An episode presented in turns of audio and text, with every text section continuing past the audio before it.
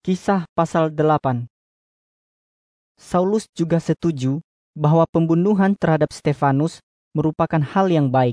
Sesudah itu, beberapa orang saleh menguburkan Stefanus, dan mereka menangisi dia dengan sangat sedih. Tetapi pada hari itu juga, penganiayaan besar mulai terjadi terhadap orang percaya di Yerusalem. Dan Saulus sedang berusaha untuk membinasakan jemaat. Dia pergi dari rumah ke rumah dan menyeret orang-orang percaya supaya dipenjarakan, baik laki-laki maupun perempuan. Karena itu, banyak sekali orang percaya melarikan diri dari Yerusalem dan tersebar ke berbagai tempat di Yudea dan Samaria. Tetapi kedua belas rasul-rasul itu masih tetap berada di Yerusalem. Orang-orang percaya yang tersebar itu terus memberitakan kabar baik ke mana saja mereka pergi. Filipus pergi ke kota Samaria dan memberitakan kepada orang-orang di situ tentang Kristus. Waktu mereka mendengar ajarannya dan menyaksikan banyak keajaiban yang dia lakukan, mereka semua mendengarkan dengan penuh perhatian. Banyak penduduk kota itu kerasukan roh-roh jahat. Tetapi Filipus mengusir roh-roh itu dalam nama Yesus roh-roh jahat itu pun keluar sambil berteriak dengan keras. Banyak juga orang pincang dan lumpuh total disembuhkan. Jadi orang-orang di kota itu sangat bersuka cita karena semua itu. Tetapi ada juga seorang tukang sihir di Samaria yang bernama Simon.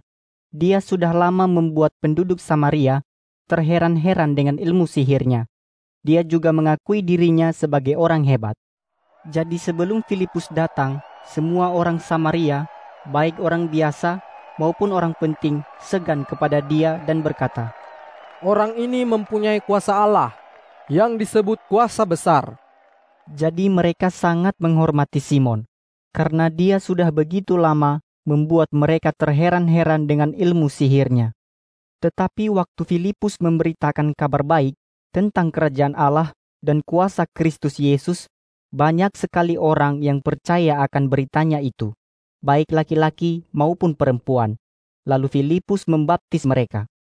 Simon sendiri pun percaya dan dibaptis. Sesudah itu, dia selalu mengikuti Filipus. Dan waktu dia melihat banyak keajaiban yang luar biasa yang dilakukan oleh Filipus, dia sangat heran. Ketika rasul-rasul yang masih berada di Yerusalem mendengar bahwa orang-orang Samaria sudah menerima firman Allah yang disampaikan oleh Filipus itu, maka mereka mengutus Petrus dan Yohanes ke sana. Pada waktu mereka tiba, mereka berdoa supaya orang Samaria yang percaya menerima Roh Kudus. Orang percaya itu memang sudah dibaptis dalam nama Tuhan Yesus, tetapi Roh Kudus belum turun ke atas mereka.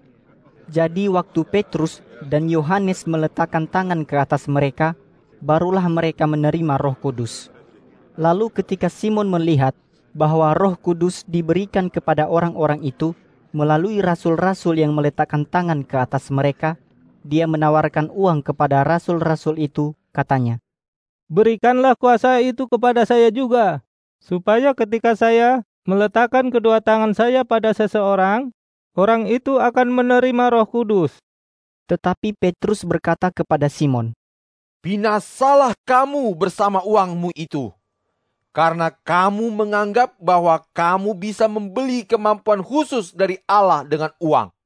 Kamu tidak mempunyai hak untuk mengambil bagian dalam pekerjaan ini. Karena hatimu tidak benar di hadapan Allah. Karena itu, bertobatlah, berdoalah supaya Tuhan mengampuni niat hatimu yang jahat itu. Karena saya melihat kamu terjerat dalam dosa dan hatimu penuh dengan iri hati. Lalu Simon menjawab, Berdoalah kalian berdua kepada Tuhan, supaya semua yang sudah kalian katakan itu tidak terjadi atas diri saya. Sesudah kedua rasul itu memberi kesaksian dan memberitakan firman Tuhan, mereka kembali ke Yerusalem. Dan dalam perjalanan pulang, mereka melewati banyak desa di daerah Samaria dan memberitakan kabar baik tentang Yesus kepada orang banyak. Pada suatu hari, salah satu malaikat berbicara kepada Filipus dan menyuruh dia seperti ini. Bersiap-siaplah dan pergi ke selatan, ke jalan yang turun dari Yerusalem ke Gaza. Jalan itu melintasi daerah yang sepi. Jadi Filipus bersiap-siap dan berangkat. Di sana dia melihat seorang sida-sida Ethiopia, yaitu seorang pejabat ratu Ethiopia yang bertanggung jawab atas seluruh perbendaharaan negeri itu. Dia sudah pergi beribadah ke Yerusalem, dan pada waktu itu dia sedang dalam perjalanan pulang. Pembantunya sedang mengarahkan keretanya, sedangkan pejabat itu sendiri duduk dan membaca dari kitab Nabi Yesaya. Lalu Roh Kudus berkata kepada Filipus, Pergilah dan dekatilah kereta itu. Jadi Filipus berlari mendekati kereta itu dan mendengar pejabat itu sedang membaca dari kitab Nabi Yesaya. Lalu Filipus bertanya kepadanya, Apakah Tuhan mengerti apa yang sedang Tuhan baca itu?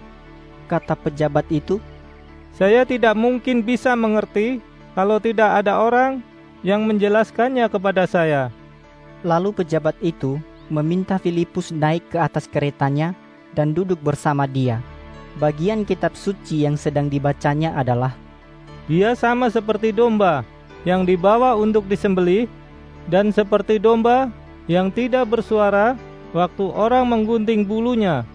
Begitu juga orang itu tidak mengatakan sepatah kata pun. Dia dipermalukan dan semua haknya sudah diambil. Tidak ada orang yang bisa menceritakan tentang keturunannya karena dia dibunuh dan diambil dari dunia ini sebelum mendapat anak. Pejabat itu berkata kepada Filipus, Tolong beritahukan kepada saya, nabi itu berbicara tentang siapa? Apakah tentang dirinya atau tentang orang lain? Lalu berawal dari firman Allah itu, Filipus memberitakan kabar baik tentang Yesus kepadanya. Dalam perjalanan, mereka tiba di satu tempat yang ada air, dan pejabat itu berkata kepada Filipus, "Lihat, di sini ada air. Kenapa saya tidak bisa dibaptis sekarang?"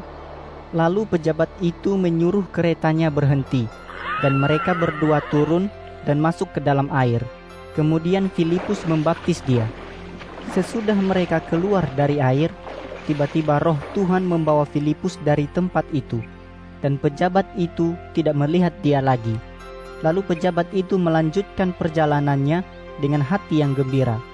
Tetapi Filipus tiba-tiba muncul di kota yang bernama Asdod. Lalu dia berjalan melewati daerah itu sambil memberitakan kabar baik di setiap kota yang dilaluinya, sampai dia tiba di kota Kaisarea.